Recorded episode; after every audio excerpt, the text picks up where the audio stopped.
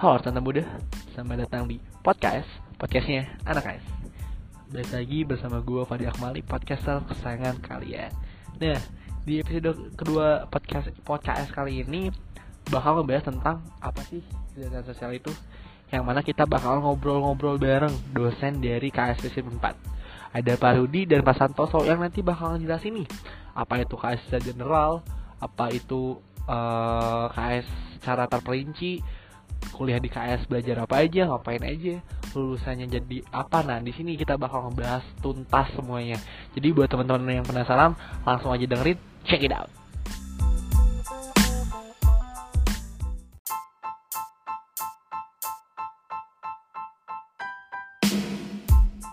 Uh, sebelumnya maaf Pak, uh, uh, sebelumnya terima kasih telah menyempatkan untuk uh, menjadi bisa menjadi narasumber untuk konten podcast uh, Prospek 2020 ini. Jadi konten podcast ini uh, akan rencananya akan di-upload nanti di platform uh, yaitu di official account uh, Prospek 2020.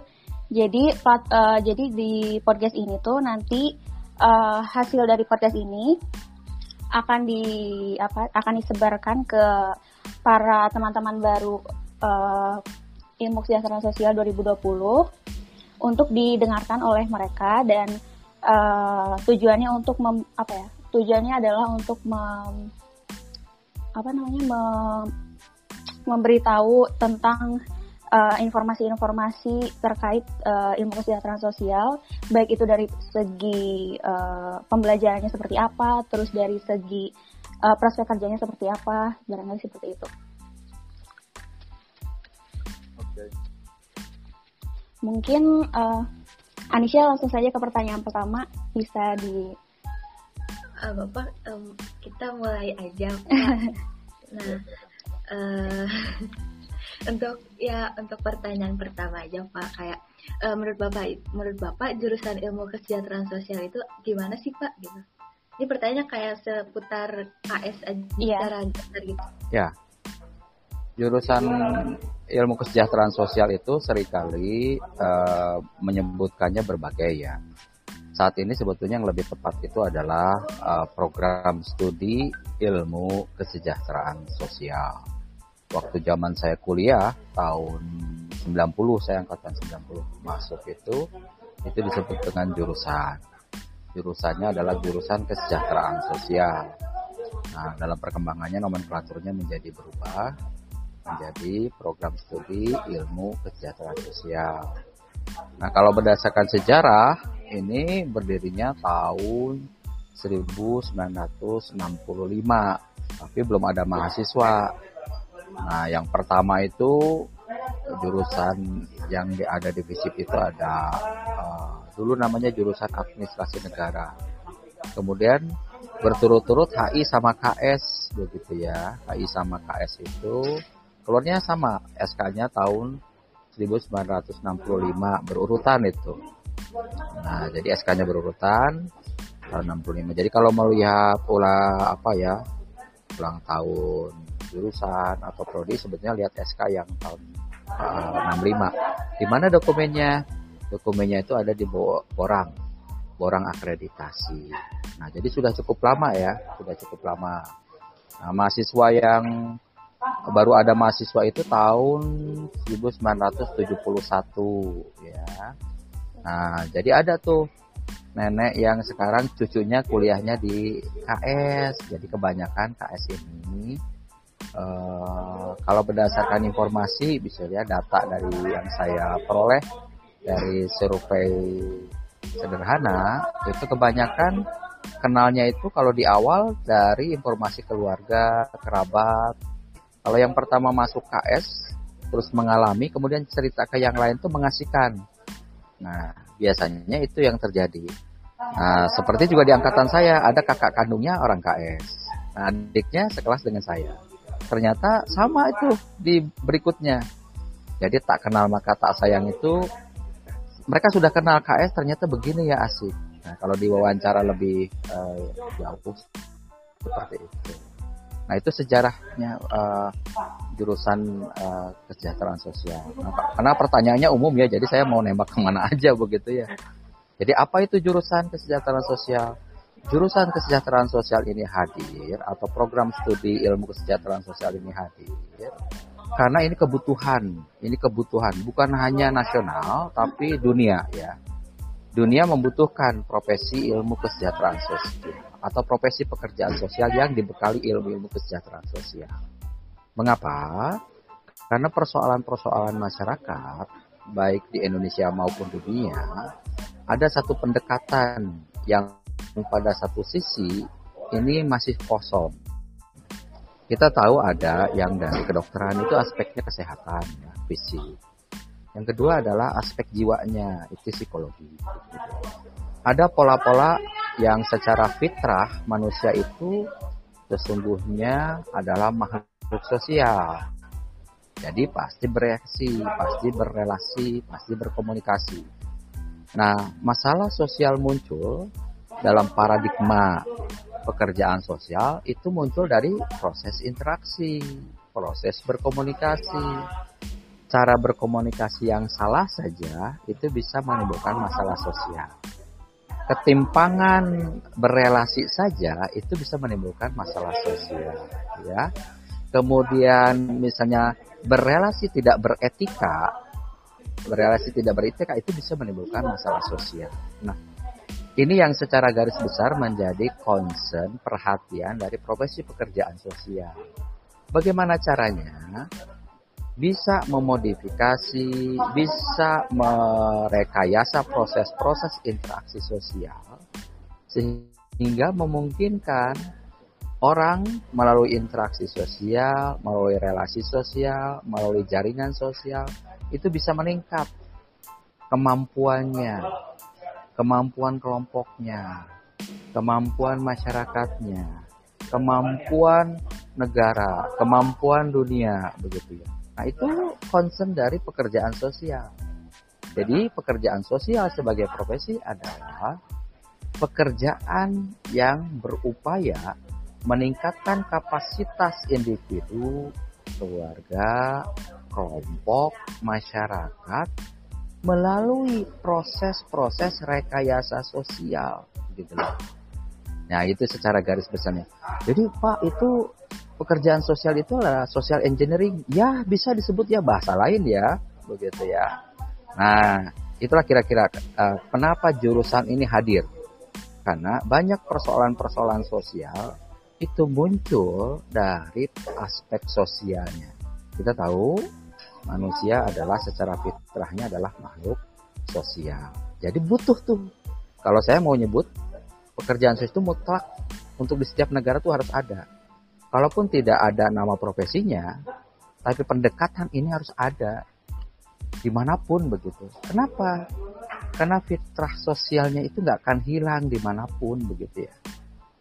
Terutama sering kali kita bermasalah karena kita tidak tahu potensi yang dimiliki. Itu juga kemampuan Pexos menggali itu, memungkulkan itu. Ya, kalau di kakak-kakak dari 2020 mungkin tahu itu yang disebut dengan strength perspective. Melihat ada sebetulnya kekuatan-kekuatan.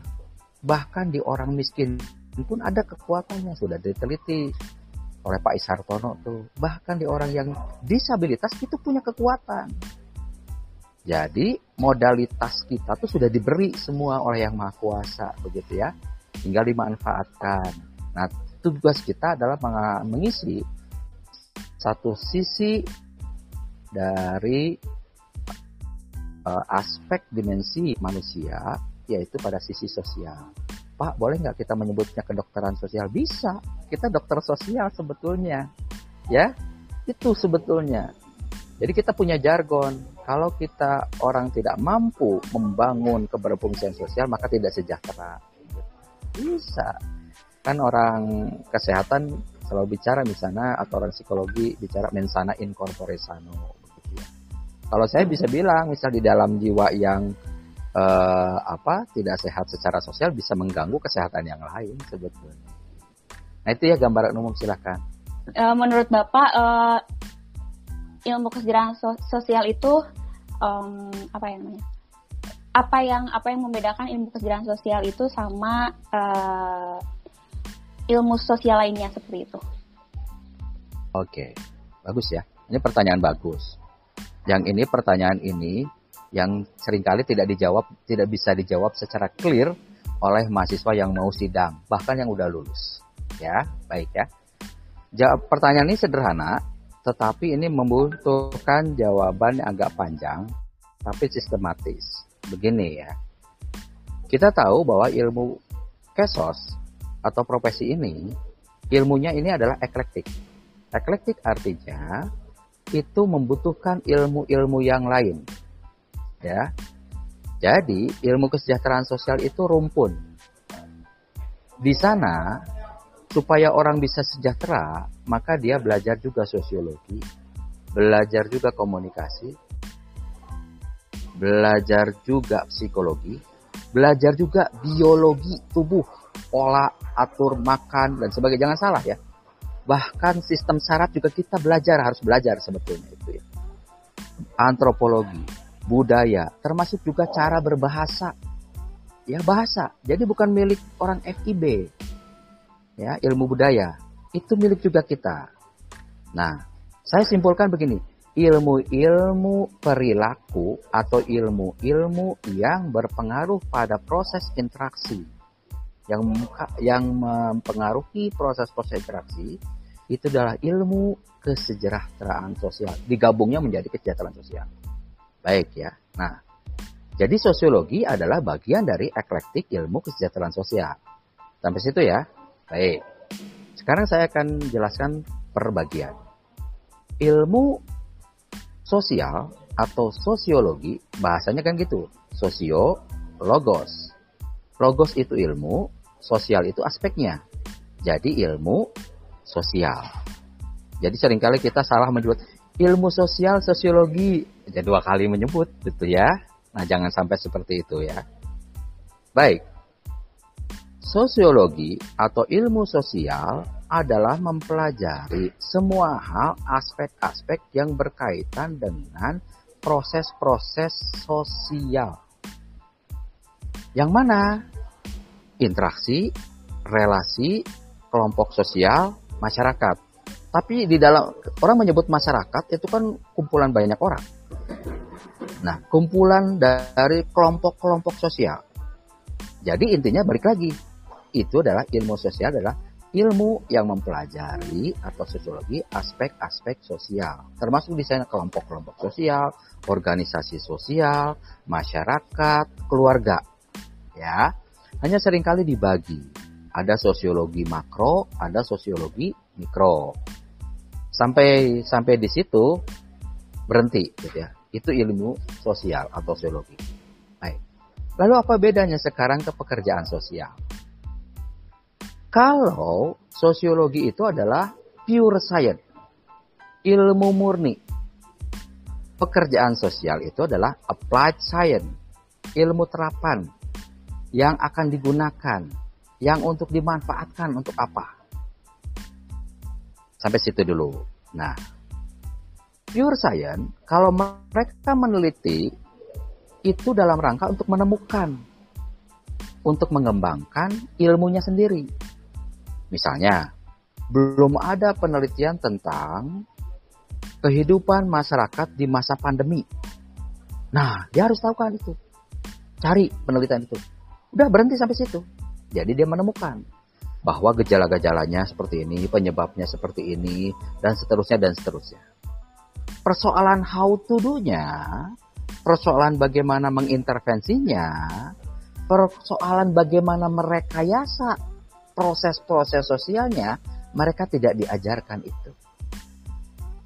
Jadi metodenya nggak diajarkan, tekniknya nggak diajarkan, karena itu adalah ilmu murni.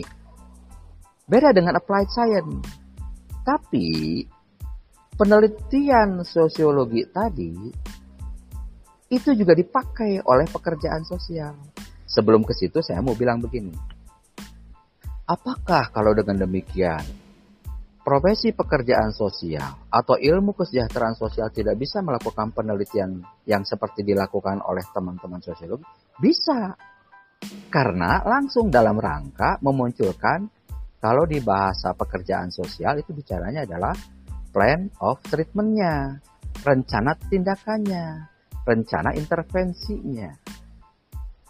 Ketika sudah tahu hasil risetnya bahwa dalam masa pandemi ada yang mampu adaptif, ada yang tidak. Adaptif itu bisa menyesuaikan, bisa bertahan. Jadi panjang gitu konsep adaptif itu. Bertahan dulu, menyesuaikan, kemudian malah bisa melakukan proses yang lebih bagus. Jadi bukan lagi menyesuaikan, tapi survivalnya ini bisa lebih tinggi. Bahasa lainnya adalah resiliensi. Bahkan bisa munculkan usaha, kegiatan, yang positif begitu ya. Nah, itu hasil risetnya. Nah, bagaimana ilmu kesejahteraan sosial meningkatkan, memperkuat atau juga memperbaiki tadi yang tidak adaptif. Kalau yang sudah kuat, yang sudah adaptif itu diperkuat. Gimana caranya? Nah, kasih intervensi. Misalnya, kan tadi kita bicara tentang Ilmu kesejahteraan sosialnya itu fokusnya pada aspek sosialnya, terutama bagaimana aspek sosialnya itu direkayasa, digunakan, dimanfaatkan untuk meningkatkan kemampuan orang. Ya. Saya kasih contoh saja begini. Profesi pekerjaan sosial akan dengan berbagai metodenya misalnya ada bahasa eh, yang mudahnya adalah bimbingan sosial perseorangan. Tapi biasa yang itunya adalah sosial casework. Apa sosial casework? Di dalamnya ada konseling. Konseling itu salah satu bagian saja. Misalnya gitu ya. Misalnya kalau ada masalah, teman Anda datang ke Anda, kemudian Anda mendengarkan. Mendengarkan saja itu salah satu teknik keterampilan yang sulit. Bukan hanya sekedar mendengarkan seperti nonton di film, bukan. Itu menonton tapi itu kan layarnya layar pasif sebetulnya. Layar tidak bisa diajak ngobrol. Berbeda dengan sekarang ya. Saya bisanya uh, ngobrol sama Nisa, sama Nurul. Itu kan interaktif. Nah, bagaimana saya bisa mendengarkan Anda, kemudian bukan hanya mendengarkan, tapi memancing hal-hal yang bisa cerita lebih lanjut. Sebab kalau orang bertahan, kalau orang menahan diri, dengan hal-hal yang ingin diungkapkan tapi nggak bisa cerita, itu jadi masalah, ya. Itu masalah. Gimana caranya orang yang tidak mau cerita ini, itu bisa cerita, itu bisa keluar, seperti bendungan gitu ya, nggak ada kanalnya itu bahaya. Harus, sebab kalau bendungan ditahan terus, kalau bendungannya kuat nggak masalah. Tapi kalau bendungannya tidak kuat, ambrol, kira-kira korbannya berapa nyawa yang hilang? Itu ilustrasi ya. Nah, itu salah satu metode. Artinya tekanan di masyarakat bukan hanya sifatnya individual. Ada juga pada sisi keluarga. Ada juga di sisi kelompok. Teman-teman sekarang di himpunan. Ini kelompok. Bagaimana sih ya supaya himpunan KS ini solid, kuat. Bagaimana teman-teman ini bisa solid, kuat komunikasinya dibangun. Bahasa kalian adalah koordinasinya, gitu ya, kerjasamanya dan sebagainya. Tapi kan orang koordinasi, kerjasama itu perlu keterbukaan di diri kita. Ya, kalau anda tahu Johari Window, ada sesuatu yang di, di diri kita ditutup, ada yang harus dibuka ke publik, gitu ya. Nah, itu banyak. Itu ada teorinya nanti di social work with group atau teori pekerjaan sosial dengan kelompok ada itu Johari Window, gitu ya ada sesuatu. Nah, bagaimana pekerjaan sosial merekayasa proses-proses sosial ini supaya bisa diintervensi? Apa sih bahasa intervensi? Apa sih bahasa treatment? Ya. Karena di pekerjaan sosial kan Anda dilatih ya, pekerjaan sosial dengan individu, dengan kelompok, dengan masyarakat, bahkan berlatih juga dengan membuat social policy, bahkan dilatih penelitian pekerjaan sosialnya, termasuk juga metode penelitian kualitatif, kuantitatif, itu itu bukan bagian yang terpisah. Itu dalam rangka memperkuat profesi pekerjaan sosial ini. Ya. Nah, di situlah pembeda pembeda pekerjaan sosial dengan sosiologi. Nah, kalau kalau se, se sepemahaman saya, semestinya lebih ajak ini sosiologi apa uh, pekerjaan sosial. Jadi kalau dilihat sejarah, sejarah pendirian ya tadi ya, itu uh, sosiologi sama politik itu dua prodi yang keluar terakhir untuk S1 ya. Itu di tahun 2011. Jadi baru. Jadi sebelum ada politik dan sosiologi, itu sudah ada prodi sebelumnya. Tadi ya, administrasi negara, hubungan internasional, KS, ilmu pemerintahan, antropologi, administrasi bisnis, baru berikutnya itu ada sosiologi dan politik. Kalaupun sekarang masih ada kebimbangan, wajar karena prodinya baru. Dan kaprodinya dari KS kebanyakan. Nah, saya ingin tahu, saya beri kelebihannya. Kenapa KS? Tadi saya cerita. Apakah orang KS itu tidak uh, tidak apa? Uh, tidak boleh melakukan riset sosial? Justru banyak yang jago-jago. Karena dalam rangka itu dia ada yang risetnya sosiologis, dia ada yang risetnya komunikasi, dia ada yang risetnya psikologi, dia kadang juga ada yang risetnya dengan antropologi, begitu ya? Karena tadi ya eklektiknya tadi. Jadi, orang yang belajar ilmu kesejahteraan sosial, karena itu adalah applied science, otomatis dia harus tahu metode penelitian. Jadi tidak bisa harus menunggu penelitian sosiologi, itu pun ada untuk menambahkan. Skripsi di KS dibuat, dirancang, sebetulnya itu adalah skripsi, itu penelitian bisa sosiologi, bisa antropologi, tapi dalam rangka dihubungkannya dengan nanti praktik pekerjaan sosialnya. Apa intervensinya?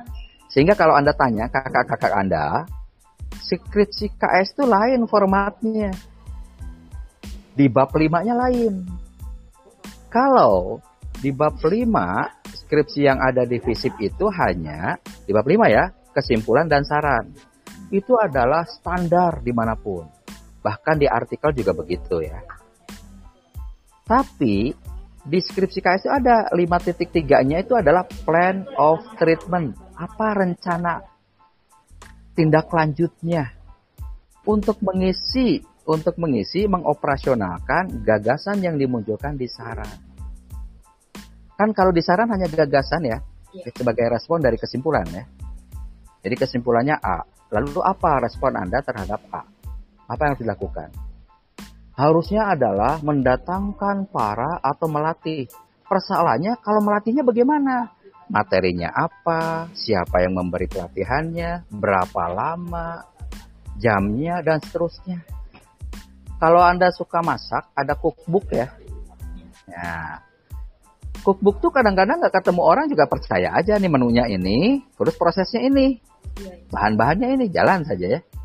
Nah, bisa nggak mahasiswa KS membuat cookbook untuk persoalan-persoalan sosial dengan batasan tertentu tentunya kan nilai-nilai berbeda di setiap konteks dan permasalahan ya. Nah, itu kelebihannya. Begitu ya. Bahkan bahkan ya uh, ada ahli di Amerika menyebut kalau orang KS itu sudah jagoan, biasanya sosiologinya juga jago. Itu. Jadi Anda melakukan dua uh, sekali sekali melakukan proses pembelajaran, maka ini dapat teorinya. Karena tadi ya, sifat eklektiknya tadi. Jadi itu pilihan.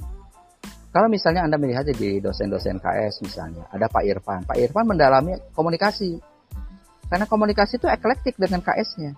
Dia ahli di situ. Jadi pekerjaan sosial yang mengerti tentang komunikasi. Itu sementara, silakan. Nah kan tadi tuh uh, perbedaan KS sama jurusan lain ya Pak. Terus kalau misalnya perbedaan KS di Unpad sama KS-KS di universitas lain ada nggak Pak? Baik, ya, terima kasih ya. Ini pertanyaan bagus. Sebetulnya jawaban ini sudah diperoleh juga oleh teman-teman 2000. Mengapa? Perbedaan antara angkatan Anda, saya, dan 2000 adalah mahasiswa sekarang sebetulnya bukan lagi disuruh tapi mereka sudah mencari sendiri informasi tentang KS dan membandingkannya di seluruh Indonesia. Gitu ya. Satu ciri pembeda yang yang ini khas, kalau KS-nya sama semua, tapi harus ada nilai lebih begitu yang diungkap. Tahun 2000, tahun 2000, KS Unpad itu menggagas yang namanya itu dulu belum ada mata kuliahnya. Tapi namanya adalah uh, pelatihan, pelatihan kewirausahaan sosial. Berbeda dengan kewirausahaan. Kalau kewirausahaan aspeknya ke ekonomi ya.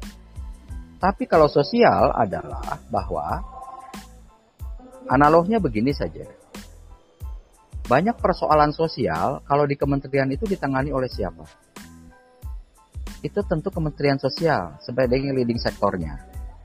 Tetapi juga banyak masalah-masalah sosial itu tidak seluruhnya ditangani oleh kementerian sosial. Kalau sekarang lihat misalnya Kementerian Koperasi juga menangani urusan persoalan kemiskinan. Kementerian Desa uh, Desa juga sama gitu ya, menangani kemiskinan di tingkat desa. Ya. Baik, tadi kembali bahwa sering kali persoalan-persoalan sosial itu leading sektornya adalah Kementerian Sosial.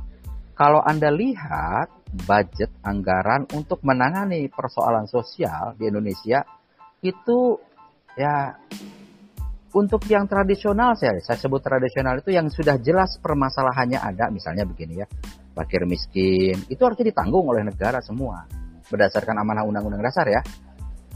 Gampang caranya. Statistik data ada kemudian kasih. Beres ya dah. Tapi itu tidak pernah tertangani kalau anda perhatikan anggaran dari Kementerian Sosial untuk menangani itu itu nggak lebih besar kok dari kementerian yang lain. Mungkin kalah juga dari Kementerian Pertahanan. Apa artinya? Bahwa concern negara belum fokus untuk persoalan-persoalan ini. Lebih fokus pada misalnya persoalan politik begitu ya. Persoalan pembangunan infrastruktur persoalan keamanan dan seterusnya. Itu dari sisi anggaran ini bukan sekali, ini sudah bertahun-tahun, berpuluh tahun gitu di Indonesia. Nah, kalau kita mengandalkan penanganan masalah sosial hanya bersumber dari situ saja, itu jelas tidak cukup. Sehingga, eh, bukan sehingga, tapi sementara masyarakat sebetulnya mengembangkan, mengembangkan cara-cara yang kreatif.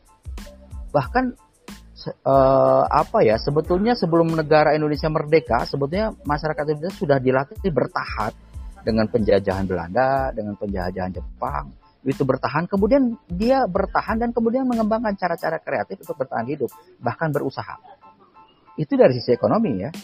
Nah dalam aspek sosial penanganan masalah sosial itu nggak bisa lagi ditangani secara tradisional. Tadi tradisional. Bantuan beri bantuan. Enggak tapi dengan cara-cara yang kreatif dan meningkatkan, memanfaatkan potensi-potensi yang memang ada di masyarakat.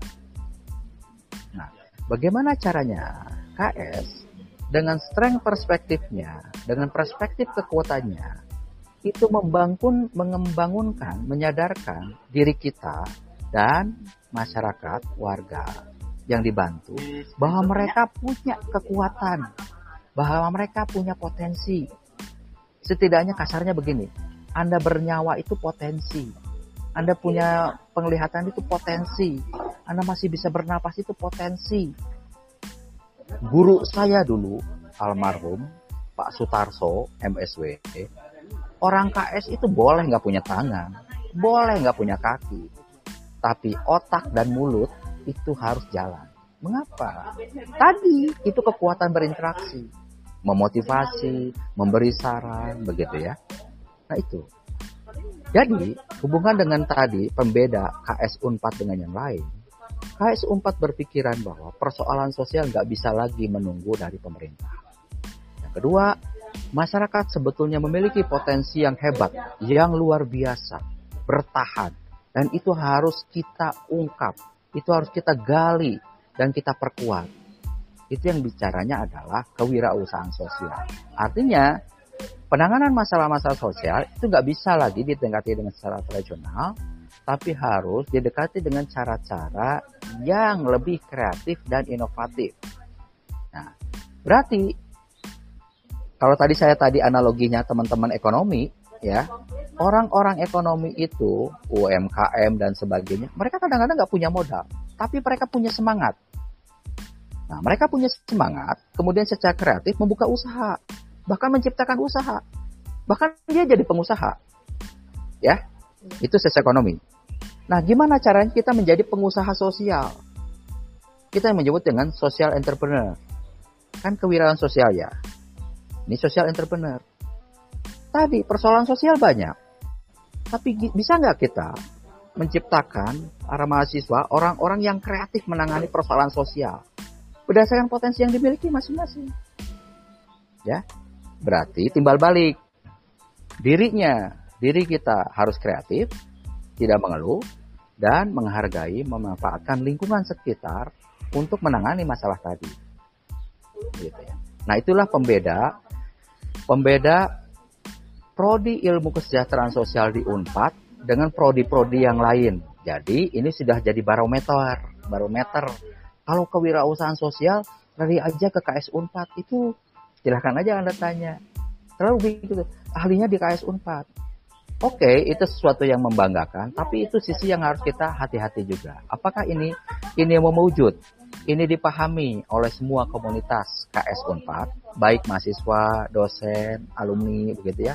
Ini harus kita pelihara. Jadi jangan pernah berpikir begini ya.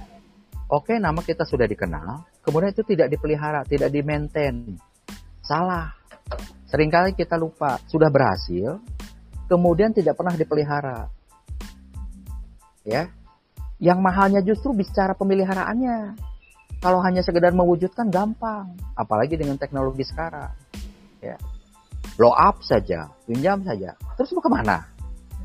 Ya, tapi yang sustain, yang langgeng ke depan itu harus dipelihara. Nah, orang sering kali melupakan ini. Bagaimana caranya? Lakukan kegiatan-kegiatan yang kreatif. Anda terus belajar. Anda terus belajar dari mana? Hal-hal kecil saja. Misalnya, kalau kita punya teman-teman mahasiswa yang kesulitan secara ekonomi untuk membantu apa untuk bayar SPP, untuk tinggal kos-kosan. Sebetulnya kalau dengan pola interaksi berkumpul di antara Anda, kemudian cerita, tadi ya Johari Window saling terbuka, sebetulnya bisa dipecahkan. Tentu dengan kerahasiaan dijaga ya, orang nggak nyaman juga kalau minta bantuan. Kultur kita masih sulit begitu. Kita yang harus paham. Kita yang harus lebih proaktif. Ya, menjemput bola. Karena kita sudah tahu kan merasakan di antara teman-teman juga tidak semua yang cukup. Jadi gini, masuk Unpad, kata siapa bahagia? Belum tentu. Ada kesulitan lain. Ya, gimana SPP-nya? SPP oke udah dibayar. Gimana biaya hidupnya? Gimana belajarnya? Sekarang gimana kuotanya? Ya Anda sudah tahu kan itu terasakan. Terus kalau itu dirasakan, apakah itu tidak dirasakan oleh yang masa baru? Dirasakan. Coba berefleksi, terus kemudian bertindak ngobrol.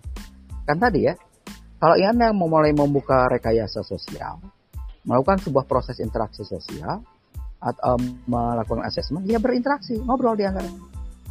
Jadi, jadi sebetulnya kalau dari tahap yang awal ini saja Anda bisa menangani persoalan-persoalan yang lebih dekat di sekitar Anda, itu latihan yang luar biasa sebetulnya. Saya percaya, kalau ini solid, bagus, bisa ditangani secara internal, Anda berlatih ke tahap berikutnya nanti. Nanti bisa dibawa ke fakultas, bisa dibawa ke universitas, gitu ya. Gitu. Kalau perlu dikasih contoh universitas tuh. Kalau perlu fakultas dikasih contoh oleh Anda. Bisa nih begini, gitu loh ya. Nah, mulai dari yang terdekat dari diri kita sekitar sendiri. Nah, itu kewirausahaan sosial begitu ya.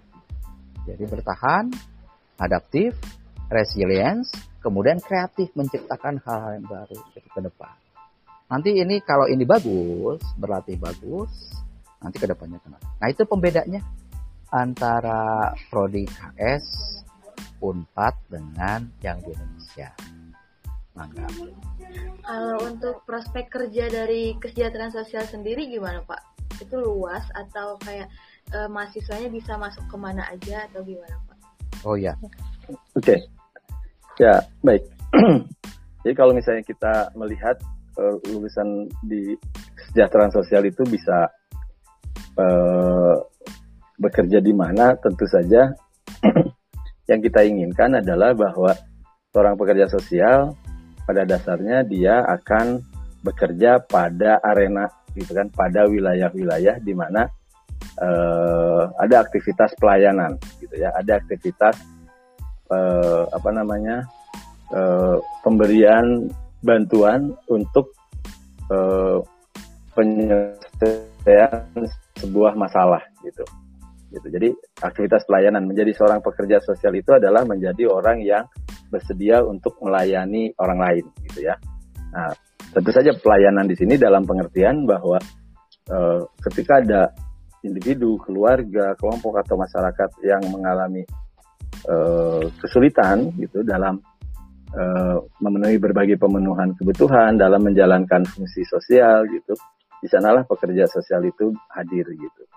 Nah, melalui melalui uh, apa misalnya seorang pekerja sosial itu bisa me, memberikan pelayanan, tentu saja yang pertama adalah uh, melalui lembaga pelayanan, gitu kan? Di Indonesia ada banyak lembaga pelayanan, gitu, lembaga kesejahteraan sosial.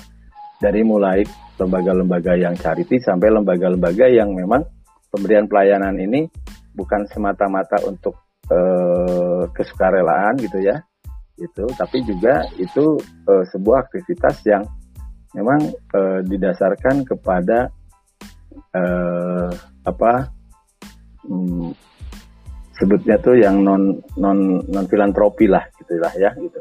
Jadi banyak ada beberapa gitu ya.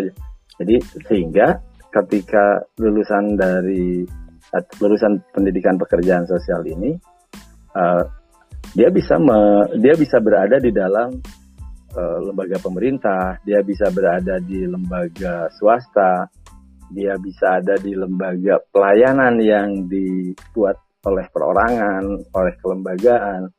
Bahkan juga seorang pekerja sosial pada dasarnya bisa bekerja mandiri gitu ya.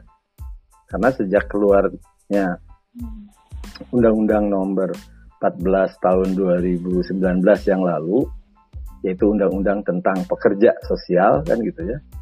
Nah, di situ sudah dijelaskan bahwa uh, seorang pekerja sosial itu uh, bisa mendapatkan lisensi, gitu kan? Harus memiliki lisensi, harus memiliki izin praktek untuk memberikan uh, pelayanan. Nah, kalau kita lihat uh, fenomena sekarang ini, uh, beberapa beberapa bidang atau beberapa setting yang ditempati oleh uh, para pekerja sosial ini itu sebut misalnya uh, selain uh, selain aktivitas pelayanan yang konvensional ya misalnya di lembaga-lembaga pelayanan itu sekarang ini sudah mulai banyak yang masuk ataupun uh, melakukan aktivitas pelayanan ini dalam program-program uh, CSR misalnya di perusahaan. Kemudian juga menjadi tenaga ahli dalam uh, lembaga apa namanya dalam aktivitas-aktivitas uh, pemberian pelayanan yang dilakukan oleh sebuah lembaga tertentu gitu ya. Itu terus kemudian juga uh, ada beberapa yang kemudian bisa mendirikan lembaga pelayanan sendiri membuat uh, apa membuat aktivitas uh, pelayanan yang dilakukan untuk mendukung program yang dibuat oleh pemerintah misalnya. Tidak di, tidak bekerja untuk pemerintah. Ataupun misalnya dia menjalankan program yang memang dilakukan oleh sebuah eh, NGO gitu ya. Lembaga, lembaga uh, LSM tertentu. Nah uh, saat ini itu yang sekarang ini lebih banyak gitu ya sedang di sedang dilakukan tapi kalau kita melihat eh, fenomena saat ini memang di di setting yang primer saja gitu ya, itu tingkat kebutuhan pekerja sosial untuk eh, menjadi tenaga pemberi pelayanan, tenaga eh, sebut sajalah kita menyebutnya dengan istilah pendamping gitu kan, ataupun misalnya juga menjadi seorang konselor gitu ya ataupun menjadi seorang fasilitator untuk eh, program-program yang dibuat oleh pemerintah maupun non pemerintah itu juga masih sangat tinggi gitu ya. Kebutuhan pekerja sosial di Indonesia ini kan besar gitu. Sedangkan lulusan dari sekolah pekerjaan sosial ini kan jumlahnya juga hanya sedikit gitu ya. Jadi uh, kalau nggak salah hanya hanya 1.400 per tahun kalau nggak salah saya pernah menghitung lulusan eh, kesejahteraan sosial gitu. Padahal jumlah kebutuhan pekerja sosial khususnya dalam program-program uh, yang dibuat oleh pemerintah saja itu jumlahnya sangat besar gitu. Nah sehingga wajar kalau kemudian uh, apa arena-arena ataupun misalnya bidang-bidang praktek pelayanan yang di yang terjadi di Indonesia ini banyak juga dilakukan oleh mereka yang memang bukan pekerja sosial gitu. Nah, gitu ya sehingga ya uh, orang sering kali confuse yang mana yang pekerja sosial, yang mana yang bukan gitu. Nah itu pula yang saya kira menjadi uh, apa menjadi um, penyebab gitu. Kenapa kemudian pekerja sosial ini menjadi tidak tidak uh, seperti profesi yang lain gitu ya. Seolah menjadi pekerja sosial itu bisa dilakukan oleh siapa saja gitu. gitu ya. Padahal tidak. Padahal pekerja sosial itu adalah seorang profesional, seorang yang memang dididik, dilatih gitu untuk menjalankan satu fungsi tugas tertentu. Ya, itu ya barangkali ya. Uh, Oke, okay. Uh, Bapak tadi menyinggung soal apa namanya uh, banyak di antaranya uh, di salah satu bidang pelayan eh di salah satu lembaga pelayanan ada saja uh, dari lulusan yang yang bukan lulusan ilmu kesejahteraan sosial yang lebih mendominasi gitu pak bisa hmm. dibilang. Nah menurut bapak uh, mudahkah seseorang yang uh, lulus dari ilmu kesejahteraan sosial itu bisa mendapatkan pekerjaannya sesuai dengan apa namanya sesuai dengan bidangnya dan bekerja di uh, lembaga pelayanan sosial contohnya seperti itu. Menurut Bapak seperti apa? Ya. kalau kalau mudah atau sulit gitu ya. Hmm. Uh, tentu saja uh, kita akan melihatnya dari sisi bagaimana seseorang itu bisa mengidentifikasi, bagaimana seseorang itu bisa men, me, me, menemukan gitu. Uh, bidang-bidang pekerjaan mana yang membutuhkan seorang pekerja sosial gitu ya. Nah uh, sehingga uh, itu yang nantinya akan bisa menyebabkan kita melihat bahwa oh ya susah ya kalau misalnya lulusan KS ingin bekerja di mana kan gitu ya gitu. Nah uh, saya kira kalau kemudian kita melihat fenomena lain adanya uh, orang-orang yang bukan dari lulusan pendidikan kesejahteraan sosial, tapi dia bisa berada di lembaga-lembaga pelayanan gitu ya. Nah, itu antara lain juga dipengaruhi oleh uh, sampai sejauh mana seorang lulusan ilmu kesejahteraan sosial atau seorang lulusan pendidikan pekerjaan sosial ini uh, bisa menunjukkan atau mampu me, me, apa namanya ya mampu me, melakukan berbagai aktivitas-aktivitas pelayanan sesuai dengan apa yang memang seharusnya dilakukan oleh seorang pekerja sosial gitu. Gitu ya. Gitu. Jadi sehingga eh, sering kali eh, para pengguna lulusan ini mereka tidak melihat mereka dari lulusan pendidikan apa kan gitu ya tapi ketika dia diuji ketika dia di mengikuti sebuah aktivitas seleksi lah sebut saja ya kan gitu ya untuk menjadi seorang eh, tenaga pemberi bantuan pelayanan misalnya itu di dalam sebuah lembaga itu eh, mampu me, me, menunjukkannya gitu. Nah, eh, kemudian yang lain juga ada beberapa faktor yang saya saya sih melihatnya ini soal waktu gitu ya ini soal waktu. Karena selama ini kan memang eksistensi dari uh, disiplin ataupun uh, dari profesi pekerjaan sosial ini juga masih sedang dalam proses yang uh, apa namanya uh, meneg, men, apanya meneguhkan gitu loh meneguhkan uh, kedudukannya di dalam arena yang memang seharusnya dilakukan oleh seorang dilakukan oleh seorang pekerja sosial gitu. Nah, kita tentu saja juga tidak bisa menyalahkan orang lain kan gitu. Sudah jelas ada lulusan pekerjaan sosial. Kenapa masih menggunakan yang bukan pekerja sosial kan gitu? Kan ini persoalan pasar gitu. Ini persoalan bagaimana user itu bisa menemukan atau user itu bisa diyakinkan gitu bahwa lulusan pekerjaan sosial ini memang dia punya kemampuan untuk menjalankan peran-peran sebagai eh, apa namanya sebut saja lah eh, SDM yang nantinya mampu menjalankan eh, fungsi di dalam praktek-praktek pelayanan gitu ya. Nah, eh, ini tidak bisa dipungkiri karena eh, sampai ya saya kira beberapa tahun belakangan lah begitu ya orang sudah mulai melihat. Kalau dulu memang orang juga tidak tahu apa itu pekerjaan sosial gitu ya. Tapi sejak keluarnya undang-undang nomor 14 tahun 2019 gitu uh, sekarang pekerja sosial itu sudah jelas bahwa dia adalah sebuah profesi gitu. Dengan kewenangan dengan kedudukan yang uh, apa namanya yang yang yang yang apa dengan kewenangan dan kedudukan yang sudah jelas sesuai dengan apa yang harusnya bisa dilakukan oleh seorang pekerja sosial gitu. Ada kompetensi ada kompetensi yang khas gitu kan, ada kemampuan yang khas gitu. Dan juga dia adalah sebuah uh, profesi kemanusiaan gitu. Nah, uh, kalau sampai saat ini misalnya masih banyak orang-orang yang juga berada di dalam arena praktek pelayanan yang biasanya dilakukan oleh seorang pekerja sosial itu.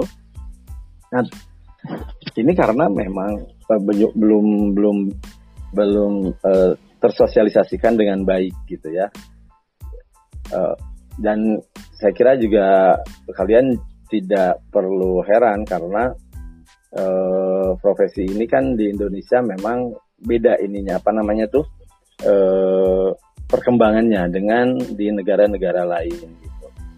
Nah, makanya eh, selalu itu jadi selalu jadi pertanyaan gitu kan. Kenapa sih banyak yang bukan lulusan KS tapi bisa di situ tapi saya yang dari lulusan KS atau mereka yang dari lulusan KS kok tidak bisa berada di eh, mana di, di, di tempat itu gitu kan untuk menjalankan sebuah tugas ataupun sebuah aktivitas pelayanan yang harusnya dilakukan oleh seorang pekerja sosial gitu.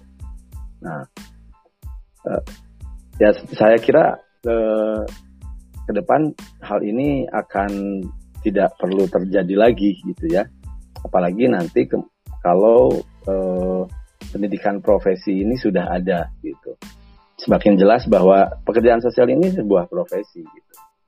Jadi bukan hanya sekedar uh, sebuah okupasi, sebuah keterampilan, sebuah keahlian, sebuah bidang pekerjaan yang bisa dilakukan oleh siapa saja gitu.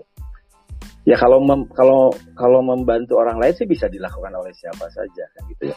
Tapi kalau membantu orang untuk bisa keluar dari masalahnya atau bisa menyelesaikan masalahnya tanpa kemudian um, apa, um, munculnya masalah yang baru Nah itu butuh keahlian, itu butuh keterampilan. Nah itu jadi ini yang uh, saya kira harus bisa diyakinkan nih oleh kita semua di uh, di apa namanya di kesejahteraan sosial ini. Ya. Uh, Oke okay, baik Pak, terima kasih. Uh, selanjutnya nih Pak, uh, saya ingin bertanya, menurut Bapak sebagai dosen, apa saja sih Pak tantangan bagi para mahasiswa kesejahteraan sosial, terutama bagi mahasiswa eh, para teman-teman baru ilmu kesejahteraan sosial 2020 eh, untuk nantinya eh, dalam proses pembelajaran saat kuliah. Menurut Bapak sebagai dosen seperti apa tantangannya? Ya, oke. Okay. Ya, eh, tentu saja kalau untuk mahasiswa baru yang tantangan yang terbesarnya adalah bagaimana bisa beradaptasi dengan lingkungan belajar yang baru gitu ya. Hmm. Bayangkan gitu kalau dulu kuliah apa kalau dulu waktu masih sekolah di, SMA gitu jadwal sekolah itu jelas gitu jam berapa sampai jam berapa gitu. Tapi kalau setelah kuliah eh, jam belajarnya itu sangat fleksibel, jam belajarnya sangat tergantung kepada uh, kemampuan kesiapan kita untuk melakukan aktivitas pembelajaran itu gitu. Nah, jadi perubahan ritme belajar saja itu sudah sebuah masalah gitu ya. Uh, dan uh, saya kira uh, menjadi mahasiswa baru di satu sisi merupakan sesuatu yang exciting gitu ya. Dulu pakai seragam, sekarang nggak perlu pakai seragam lagi gitu. Nah, apa namanya? Uh, dulu jam pelajarannya juga tertentu gitu kan, berangkat pagi, pulang siang atau pulang sore gitu. Nah, kalau sekarang ritmenya sangat berbeda gitu. Nah, jadi yang paling sulit adalah bagaimana menyesuaikan dengan ritme tersebut di mana eh, seorang mahasiswa harus mampu membuat aktivitas pembelajaran secara disiplin gitu. Gitu. Jadi eh, eh, apa kapan kita harus belajar, kapan kita harus eh, mengerjakan tugas gitu. Kalau mahasiswa itu ya lebih banyak tergantung pada diri sendiri mau seperti apa kan gitu ya. Kalau misalnya mau memanfaatkan waktu untuk belajar, tentu dia bisa menyesuaikan karena sebetulnya kan kalau satu SKS itu kan sudah jelas hitungannya gitu. Satu belajar di tatap belajar tatap muka, tatap muka itu bisa di bisa di kelas, bisa virtual gitu kan ada jadwal belajarnya. Kemudian satu SKS itu belajar mandiri. Jadi Anda harusnya tuh baca buku. Sehari itu kalau ada mata kuliah A berarti 50 menit itu satu S kalau 3 SKS berarti 3 kali 50 menit Anda belajar tentang materi hari itu gitu.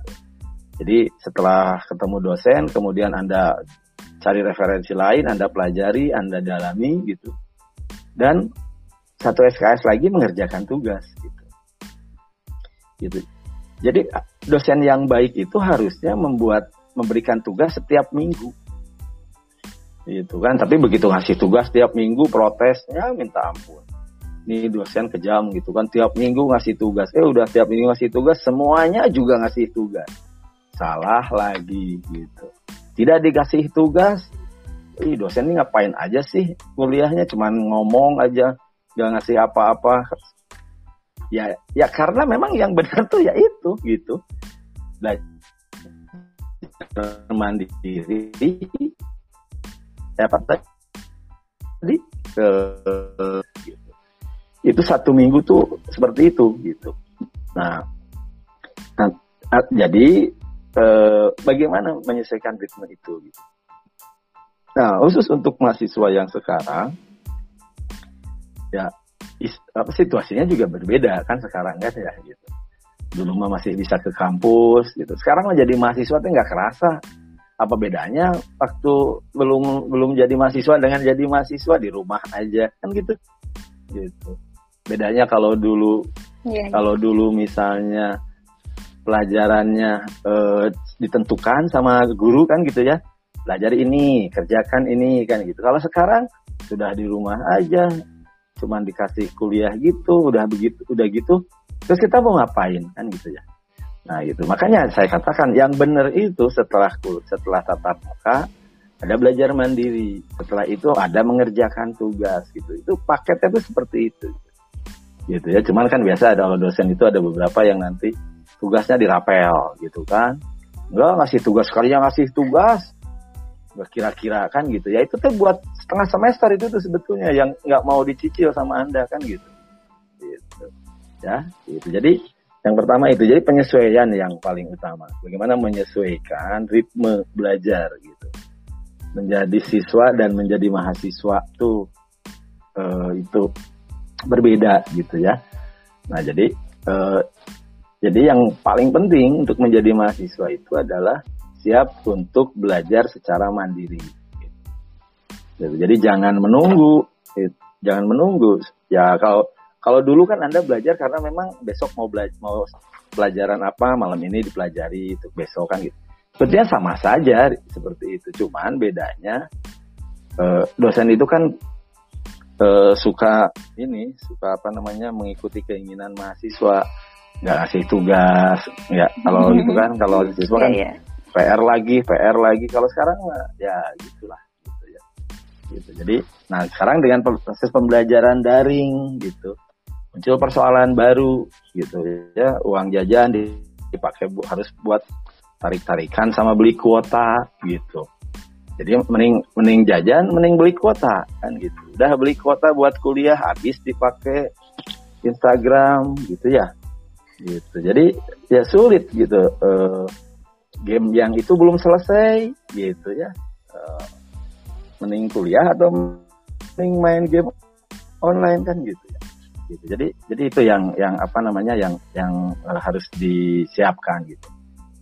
Menjadi orang dewasa gitu menjadi mahasiswa itu adalah menjadi orang dewasa yang harus bisa bertanggung jawab atas dirinya sendiri gitu. Nah, gitu ya. E, apa? E, ya itu juga akhirnya memang kemudian kembali ke bagaimana proses pendidikan di rumah gitu. Ada kalanya e, pendidikan di rumah juga tidak me, apa ya tidak tidak memberikan pembelajaran bagaimana menjadi orang yang mandiri gitu, gitu, ya.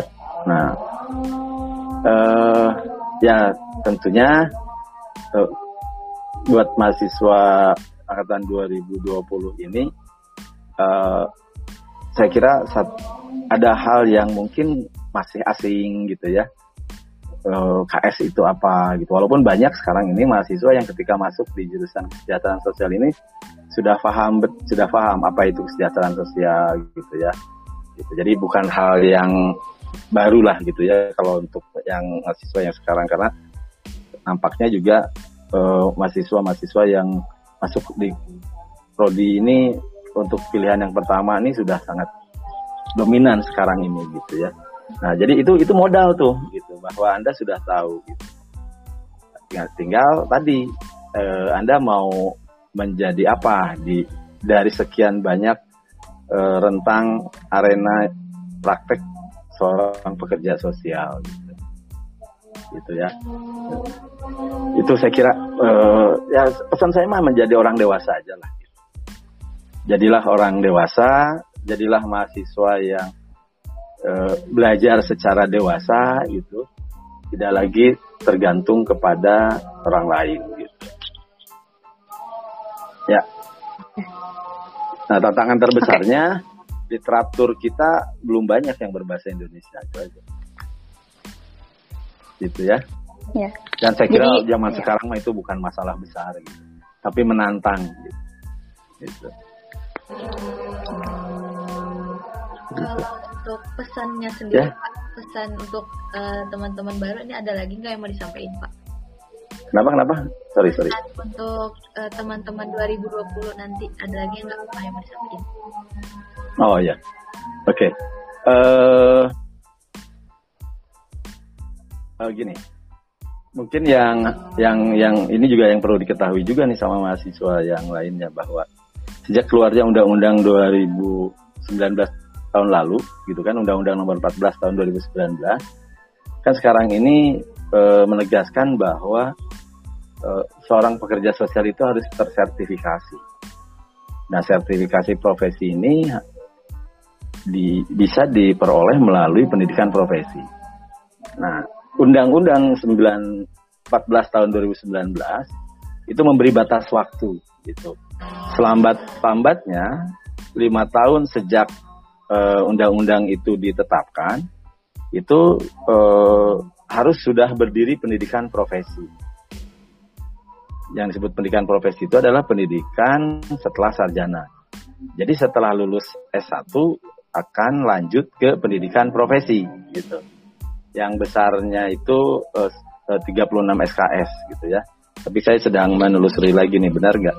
Eh, apakah soalnya dulu informasinya 24 SKS, sekarang jadi 36 SKS gitu ya.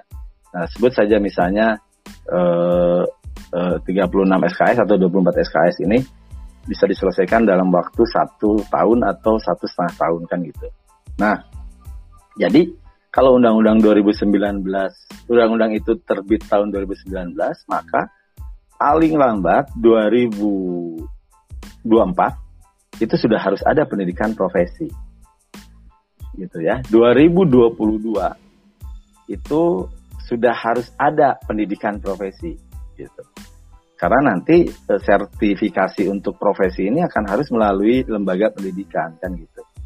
Nah, Unpad itu termasuk salah satu yang dari sejak awal e, berencana untuk membangun pendidikan profesi ini gitu ya. Nah, gitu. Jadi siapa nih yang akan menjadi mahasiswanya untuk pendidikan profesi ini? Perkiraan saja mahasiswa angkatan 2020 itu akan menjadi angkatan menjadi angkatan pertama untuk pendidikan profesi.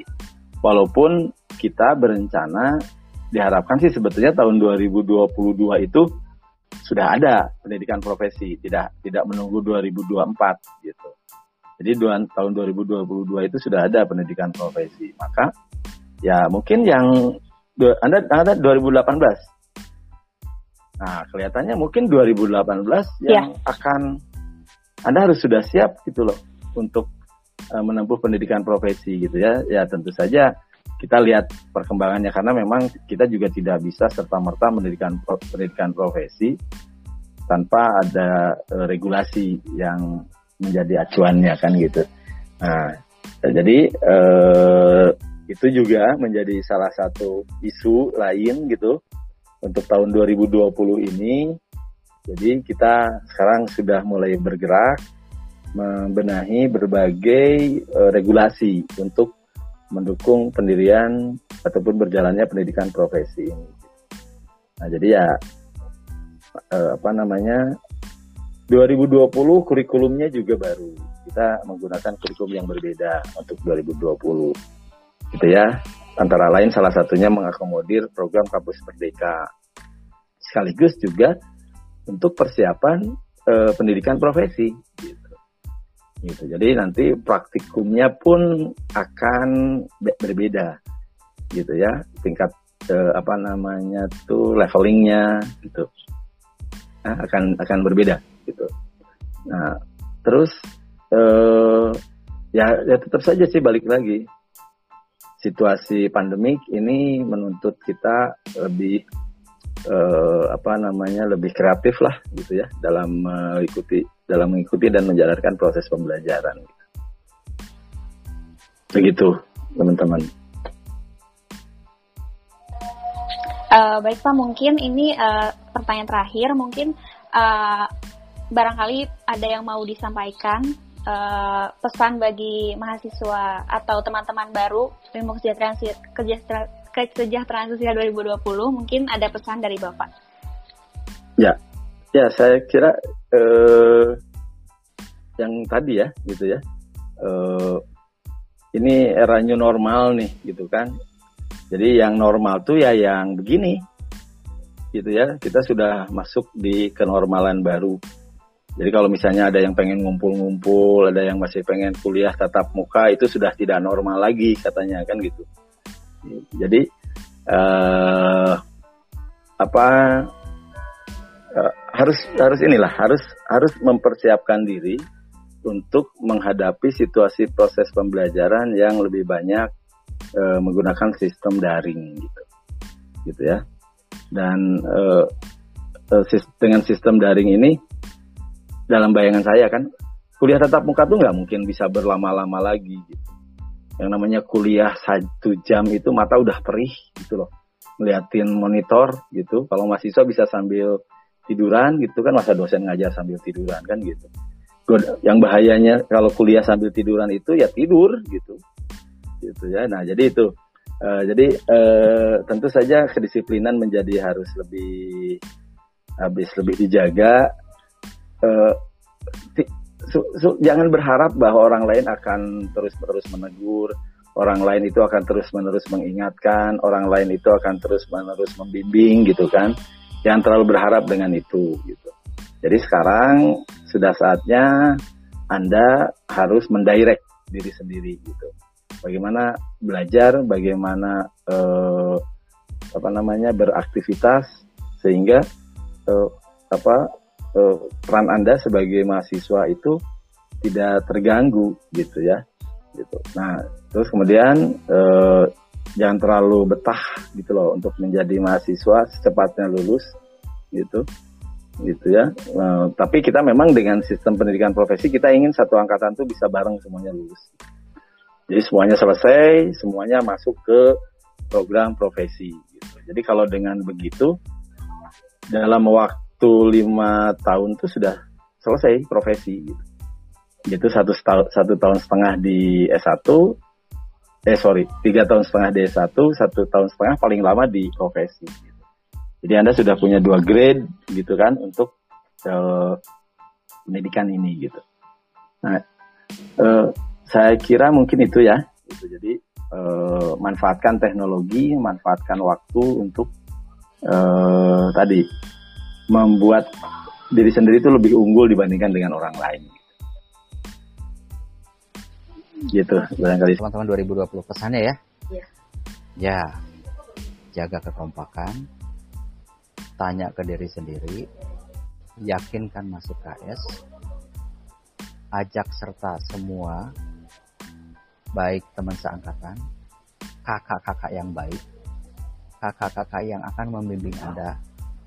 Jangan ragu untuk ngobrol juga dengan dosen dan semua pihak.